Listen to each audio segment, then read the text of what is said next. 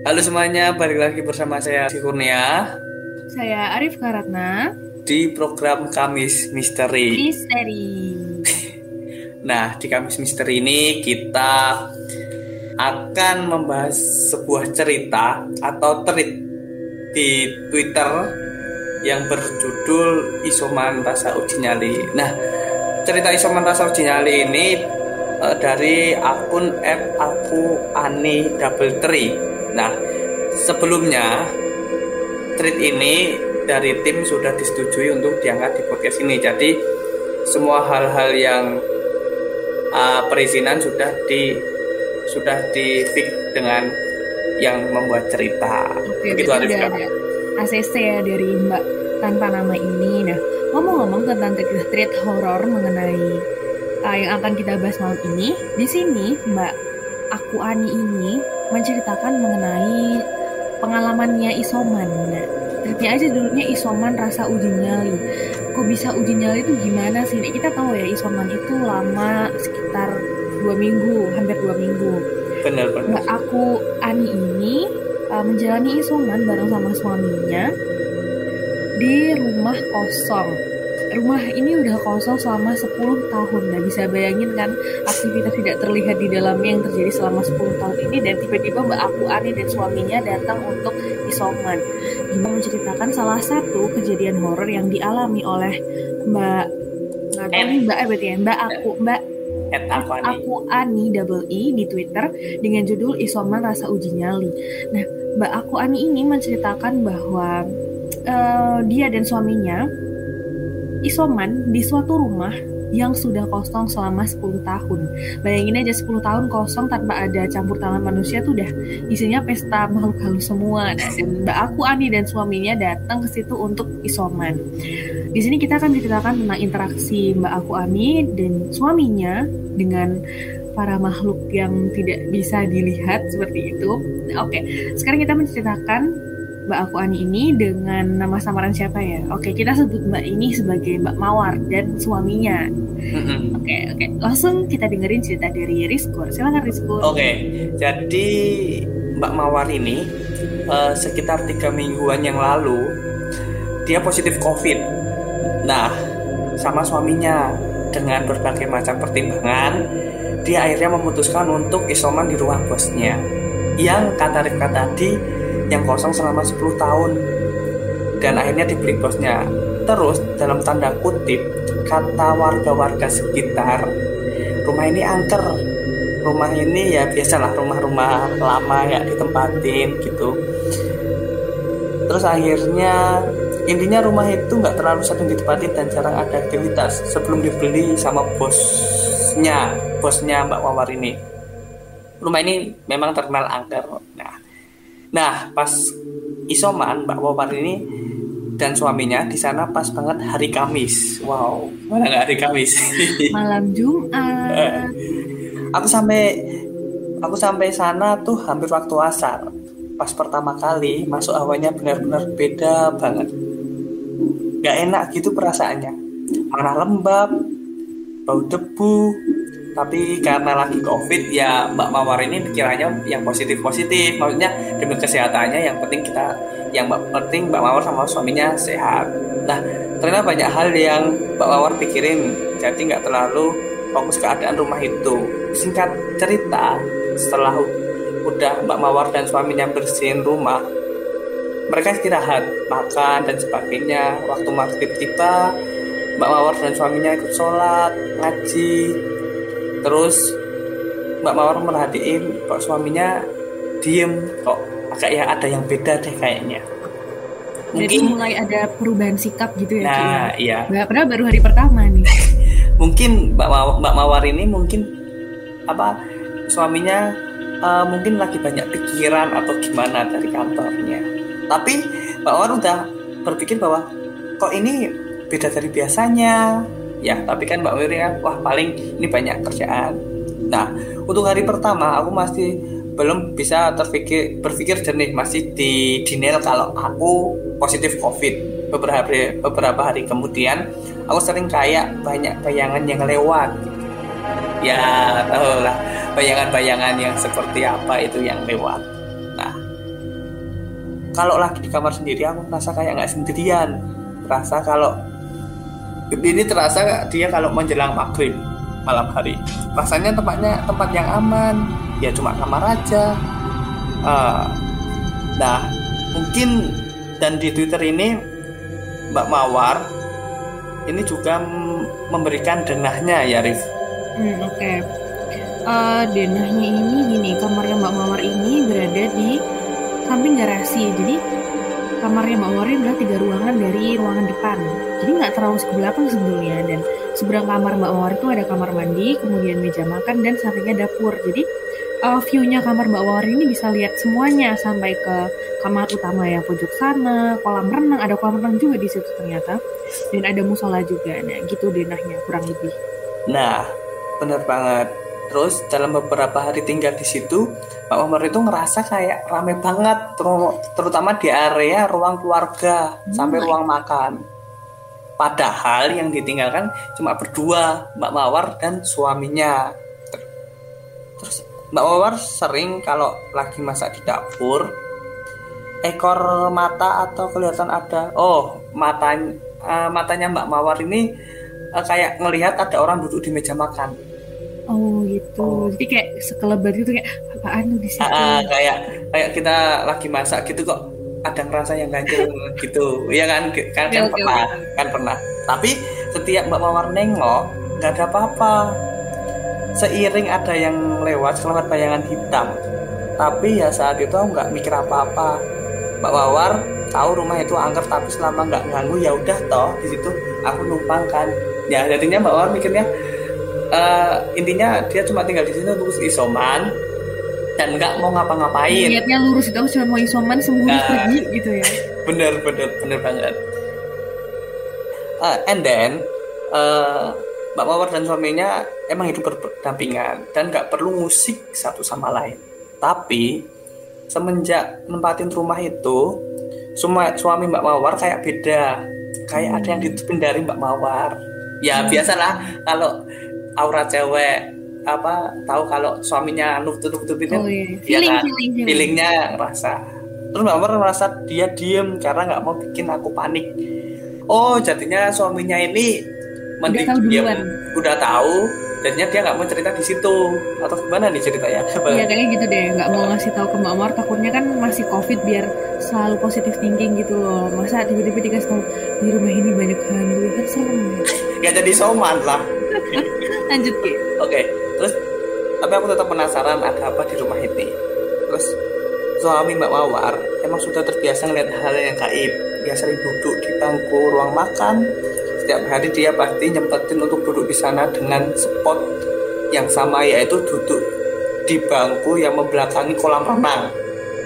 Satu waktu pas udah subuh aku matiin semua lampu ruangan. Dan, suaminya Mbak War tanya yang matiin lampu siapa? Ya tapi kan kalau subuh subuh emang emang menjelang udah mulai ada matahari gitu iya kan, kan? bayi kan wajar kalau dimatiin kan ya? Iya betul betul. Nah terus si mbak mawar ini jawab aku yang matiin kan udah pagi emang kenapa? Terus suaminya jawab lampu di sana jangan pernah dimatiin biarin nyala nggak apa-apa. Mungkin ada apa-apa ya? Emang setan tahu sama lampu kan suka yang kegelapan kan gitu. oh mungkin. Makanya aku juga aku ngarang aja sih kayaknya aku juga kalau di rumah sendiri kayaknya lampunya tak nyalain semua. Iya. mungkin. Terus Mbak War bingung ya. Mbak War bingung kayak nggak berani buat hmm, nggak hmm, berani buat nyalain lagi. Aku nggak berani buat matiin lagi mungkin ini ya. Nah setelah habis matiin lampu tiba-tiba suamiku lari ke arah Mbak Mawar. Cepet banget langsung meluk aku. Oh kayak adegan drama ya? Tapi dikejar setan nih nggak drama. Nggak tahu juga kan terus aku kaget banget. Kenapa? Mbak Wawar kan bingung terus kan. terus aku tanya kenapa dia dia malah bercandain aku? Dan dia, kayaknya suaminya tuh lihat terus dia meluk. Tapi hmm. dia bercandain Mbak Mawar biar kayak biar gak panik ya? Ya biar nggak panik. Nah tapi kelihatan kalau dia nutupin sesuatu dari aku. Nah selang dua minggu setelah Mbak Mawar dan suaminya negatif. Ya kan Mbak Mawar dan negatif. Balik lagi Mbak Mawar dan suaminya ke rumah. Tadinya berarti udah meninggalkan rumah kosong 10 tahun itu ya? Yes bener banget. Kayaknya ini nanti apa di si suaminya ini cerita deh kayaknya oh, Kayak- kayaknya udah nggak di waktu rumahnya. rumah. kayaknya feeling begitu terus eh, di situ suamiku ceritain semuanya. Pada hari pertama kita sampai di di sampai hari pada hari pertama kita sampai di sana kayaknya si suaminya ngerasain energi rumah itu negatif banget. Makanya dia banyak diem dan keliling rumah dan di kamar kamar dia eh kamar dia. Dan ini kamarnya ini sendiri-sendiri pak ya? Kok kamar dia? Di kamar dia nemuin kayak gitu oh deh oh iya kayaknya Kurang koma itu ya. kurang koma. Ya dia eh, suaminya itu nemuin bunga kantil satu kuncup oke Bunga kantil tuh yang merah itu, eh. dihuni tiba-tiba ada bunga kantil oke. Bunga kantil itu yang putih bukan sih? Tanda-tanda yang bau nggak enak itu. Apa? baunya aneh putih Yang satu- itu kan bunga kantil yang satu kuncup tuh satu ini kan satu daun yang cuman kayak gini loh. Kayak tun apa sih bentuknya? Kayak cabe gitu kayak kunjuknya dia tuh. Oh iya iya. oh ya I, know I know. Aku tahu ya aku oke. Tahu. oke oke. Beruntungnya aku si Mbak Mawar ini nggak ngerasain jadi nggak terlalu mikirin banget apa yang terjadi di rumah itu. Ya memang itu rumah mereka rumah maksudnya rumah mereka tuh rumahnya yang itu iya nggak Ka- kelihatan ka- kata suaminya karena di setiap sudut rumah itu ada penghuninya Oke. Oke tadi eh, aku lanjutin ceritanya Rizko ya. Rizko tadi udah cerita ternyata di setiap sudut rumah kosong itu memang ada yang sudah menghuni. Jadi kayak mereka udah kontrak sendiri ya kayaknya ya. Udah di rumah sendiri di, ditinggali di situ. Nah di sini Mbak Mawar cerita bahwa hari pertama eh, waktu mereka datang mereka ngaji di kamarnya mereka itu dan eh, apa ya? Ternyata ada sesuatu yang berterbangan di atas. Tidak mungkin lalat ataupun nyamuk. Kalian tahu kan maksudnya? Berterbangan dalam tanda kutip. Nah, tapi cepet banget pergerakannya. Jadi mungkin saking apa ya? Ini tuh eh, meragukan gitu loh ini yang berterbangan apa? Karena suamiku sering di, di, di ruang makan. Nah, tadi alasannya kenapa em, suaminya tadi duduk membelakangi kolam renang ya tadi Rizky. Iya, iya. Ternyata di situ adalah pusatnya. Pusatnya si makhluk tak kasat mata itu dan suaminya itu menjagain tempat itu duduk sengaja sengaja duduk di tempat itu biar nggak masuk kamar mereka dan nggak ganggu Mbak Mawar wow dan ternyata di depan musola itu adalah ada Mbak Kunti yang selalu berdiri di depan musola Mbak Kunti di musola tapi gimana sih Mbak Oh, ternyata musolanya memang gak pernah dipakai dan gak pernah dibersihin. Jadi sama aja kayak ruang kosong ya, walaupun namanya musola ya. bener sih ya Mereka bener kata-kata orang dulu ya Dev kayak eh, kalau tempat yang nggak selalu dibersihin akan di- dihuni ya Iya kan jadi kayak lembab kotor singup gitu kan. Makanya Iya. memang harus dibersihkan. Another foto minal iman, kebersihan sebagian dari iman. Wow. iya lanjut lanjut Jadi mereka mau membersihkan eh, musola itu karena mungkin mau sholat di situ juga ya, tapi ternyata dikunci gitu. Mm-mm. Dan kenapa ketika tadi suaminya melarang Mbak Mawar untuk mematikan lampu? Karena di situ energinya kuat dan negatif kata Mbak Mawar. Jadi jangan malah dibiarin gelap, dibiarin aja diterangin. Terus tadi kan ada adegan di mana tiba-tiba suaminya datang dan meluk Mbak Mawar kenceng gitu. Ternyata ada sosok tinggi, aduh aku merinding. Ada sosok tinggi besar lari ke arahnya Mbak Mawar mau menghampirinya. Jadi suaminya langsung jadi kayak cepet-cepetan ya masih makhluk tinggi besar ini. Aduh aku takut. Makhluk tinggi besar ini dan untungnya suaminya Mbak Mawar langsung meluk Mbak Mawar saat itu juga. Nah, di situ emang perasaannya Mbak Mawar gak enak banget, nggak tahu kenapa. Dan akhirnya Mbak Mawar tuh tahu, oh ternyata aku merasa nggak enak pada saat itu karena memang ada yang mau menghampiriku gitu. Dia baru nyadar ketika suaminya cerita.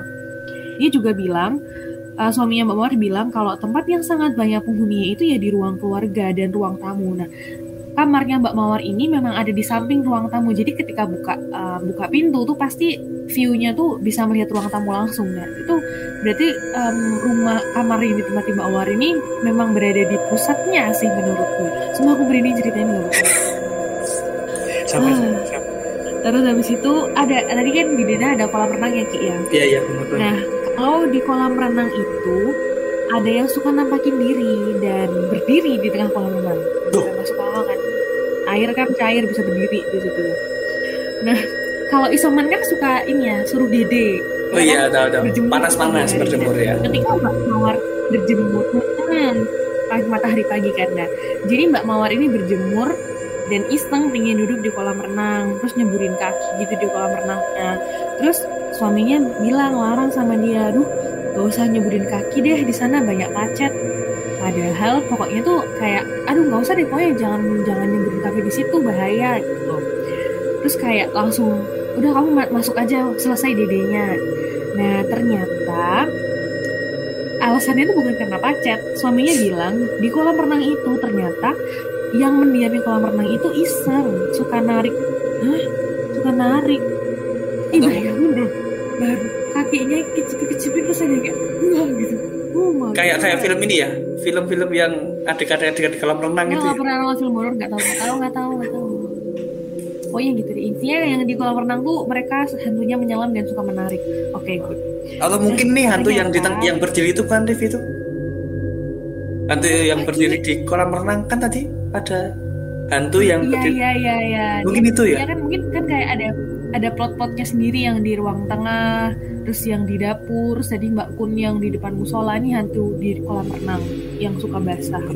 Nah, terus ternyata di ruang makan, ruang makan ini persis di depan kamar Mbak Mawar ini ya. Ruang makan itu memang suka duduk, memang ada yang suka duduk. Berarti tadi Mbak Mawar kan, tadi diskurs ceritakan Mbak Mawar em, pernah lihat waktu dia masak gitu ada yang duduk. Ternyata memang betul, suaminya cerita juga. Dan ternyata memang betul ada yang di situ gitu. Nah, di kamar mandi di depan kamarku itu ada lubang bekas extra house yang dicopot. Jadi bolong gitu atasnya. Hmm, tahu tahu malam ada suara anak ayam padahal nggak ada ayam di situ. Ini setan macam apa lagi? Anak ayam. Jadi dia kayaknya kayak denger gitu loh. Kok tiba-tiba ada yang pik-pik padahal nggak ada apa-apa, nggak ada yang melihara anak ayam di situ. Nah, terus ternyata em sebentar deh. Nah, suamiku, eh, jadi suaminya Mbak Morina waktu di kamar mandi diganggu Mbak Kun. Mbak Kunnya ini ternyata muncul. Mbak Kunnya ini muncul. Mbak Kunnya mau ikut mandi. ngintip kayak dia nih. Mbak Kun ini muncul dari lubang extra house. Jadi lubang Eternitnya itu kan bolong tuh. Nah Mbak Kun ngintip dari situ mampus nggak tuh? Ya Allah serem banget. Dan ternyata plot twist lagi nih, kamar yang dipakai Mbak Mawar dan suaminya untuk isoman ini juga ada yang jaga, yaitu sosok tinggi besar dan matanya merah menyala Wow. tepat di depan pintu. Dia sering di situ dan pantas tiap aku minta tukar tempat tidur sama suamiku gak pernah ngizinin karena takut sewaktu aku bangun yang aku lihat sosok tinggi besar itu. Ternyata apa yang aku rasain ya sinkron sama apa yang suaminya ceritain. Jadi selama isoman di rumah itu mungkin Mbak Mawar kayak menduga-duga ini kalau cuma lihat-lihat doang. Tapi ternyata memang semua yang Mbak Mawar rasakan itu memang benar adanya gitu. Nah ini ada satu lagi yaitu di dekat kamar dan ada yang manggil aku manggil nama Mbak Mawar ini kan banget suaranya dan kayak suaranya tuh deket gitu loh cuma jarak satu meter nah Wow. terus habis itu ternyata eh, yang manggil itu adalah Mas Poci oh my god. Suaminya yang ngasih tahu ternyata kalau jaraknya Mas Poci sama Mbak Mawar itu sekitar satu meter. Buset dah. Terus habis itu um, oh ini. Dan ternyata ada temennya Mbak Mawar yang sempat tinggal di situ juga dan diganggu dan akhirnya mereka saling cerita nih kalau uh, tentang pengalaman mistisnya ini. Dan ternyata temennya Mbak Mawar ini diganggunya tuh sampai uh, meja kerja laptopnya digeser dan maksudnya sampai ada perilaku yang uh, dilakukan gitu loh sama Oh, si iya. itu. Tuh. Setelah itu em, secara keseluruhan Mbak Mawar dan suaminya nggak apa-apa dan nggak diganggu secara ekstrim atau gimana-gimana. Jadi mungkin mereka hanya ditampakkan aja ya Ki ya. Jadi kayak tadi yang di kolam, banyak banget mana aja di kolam, terus mana lagi? Kamar mandi, Kamar mandi, terus tempat tidur. Mbak Kun, Mbak Kun juga di depan sekolah, terus di ruang keluarga itu banyak ya. Dan dan uh, balik lagi kita tinggal berdampingan dan jangan ganggu satu sama lainnya aja. Toh kita kan beda alam, ada tempatnya masing-masing. Oke, good Mbak Mawar. Jadi sebenarnya nggak usah kayak nantangin atau ganggu gitu ya, karena kan hitungannya uh, mereka itu yang tamu gitu kan ya Ki ya. Iya, benar-benar. Benar banget sih. Sebenarnya di treat ini tuh ada Videonya ya. video ya Mbak Mawar menyertakan, menyertakan video dan memang serem sih Ki. Tapi bagus sih rumahnya kalau dilihat. Ah, kalau dilihat, tapi kamu bisa lihat nggak sih kayak rasanya gimana ya gitu waktu nonton. Memang ah, eh, aku kalau masuk tuh rasanya kayak singgup gitu karena ah, ini agak sedikit cerita sih. Aku pernah makan di suatu ruang di ruang satu ruang makan gitu. Kayaknya deket kampusnya Riskur deh, tapi aku menyebutnya namanya deh. Pokoknya di situ. Mm. Nah, aku uh, sama temanku kan di lantai satu rame tuh. Aku naik ke lantai dua.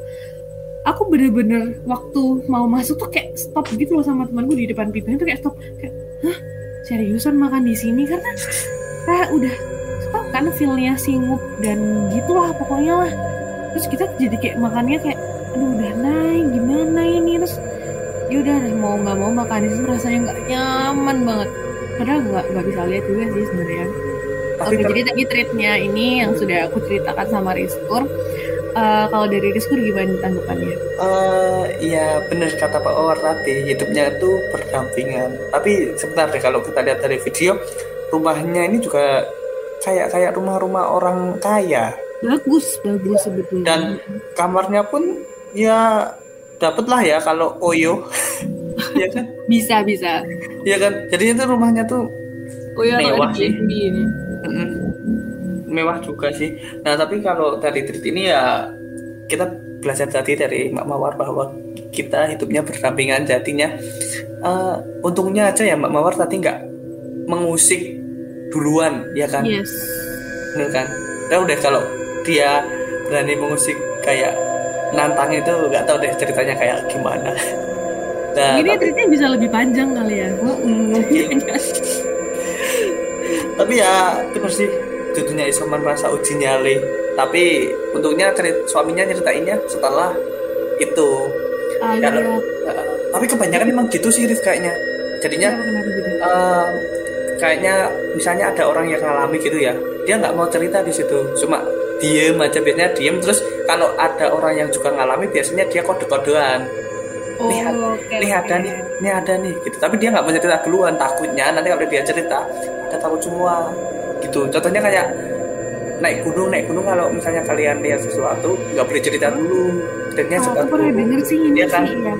Waktu di bawah aja, pokoknya ketika perjalanan pulang atau malah sudah sampai rumah baru cerita apa yang Hmm. terjadi gitu nggak sih? benar Kali gitu kalau ngomong di gunung langsung. iya benar iya gimana sih ya rasanya kalau kita aku sendiri kalau di situ ya apalagi soman Nah, kayaknya kayaknya waktu hari pertama udah cabut deh.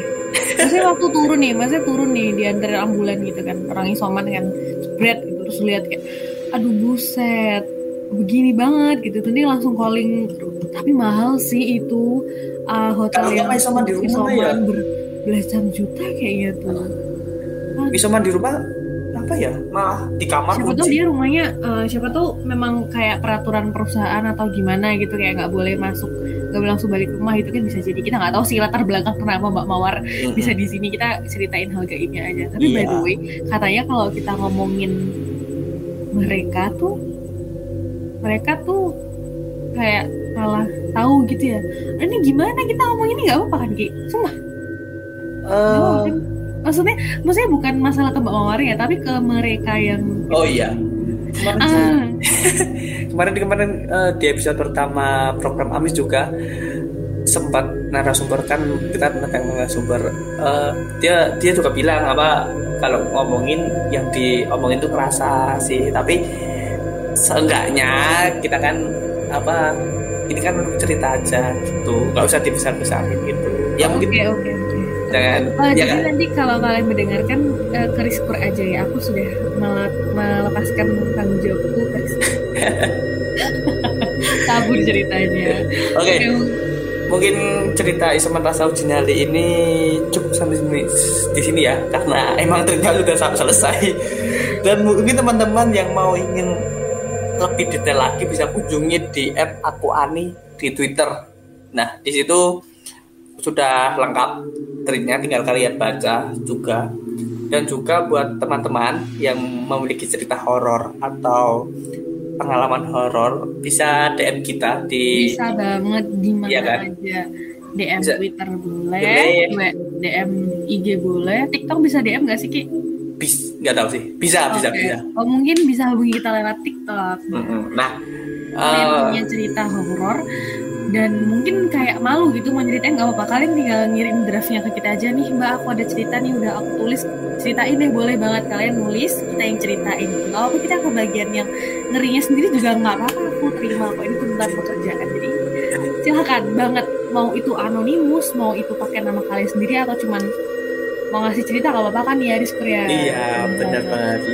Kalian bisa langsung cek di Instagram kita @maskur.podcast bisa langsung DM atau enggak langsung di TikToknya @maskur.r dan juga mungkin Twitter ya Rif apa sih itu Yes, Twitternya ada. Bentar, Bali Bali. Lali aku. oke mungkin Dan juga Twitter ada @maskur double s double r underscore pod cst. Tuh. nah benar banget Eh, mungkin TikTok belum oh iya, udah sih udah Oh udah, oke. Udah, udah. Eh, mungkin ini ya teman-teman mungkin sampai di sini dulu ceritanya dan kita Aku menunggu mau minta maaf deh, karena ini kan kayak aku pembawa em, pembawa acara Kamis pertama perdana nih. Jadi kalau kalian mau kritik ataupun saran nih kayak Ih hostnya yang suruh dikit dong itu silahkan banget boleh di Curious Cat ada di bio Twitter kita yang tadi udah aku sebutin kalian boleh eh, kritik saran atau mau titip salam atau apa terserah lah boleh lah pokoknya. Ditunggu pokoknya. ya DM dan juga em, kritik saran dari kalian. Gitu. benar banget. Dan juga terima kasih teman-teman yang udah mau dengerin di program Amis ini Kamis Misteri tentang isoman rasa uji nyali. Semoga mungkin teman-teman yang mendengarkan lagi isoman semoga nggak ngal- ngalamin ini. Dan kita tetap menunggu cerita-cerita horor kalian yang di DM kita benar kan Rifka? Oke, betul banget dan semoga teman-teman nggak pernah mengalami isoman dan tidak pernah terpapar COVID dan kalau baru sakit semoga cepat sembuh dari kita semua segera sehat dan bisa bertemu bersama. benar banget terima kasih buat teman-teman dan saya Rizky Kurnia pamit Saya Arif Karatma pamit. dan sampai jumpa di program-program selanjutnya see you See you, sampai jumpa. Thank you. see you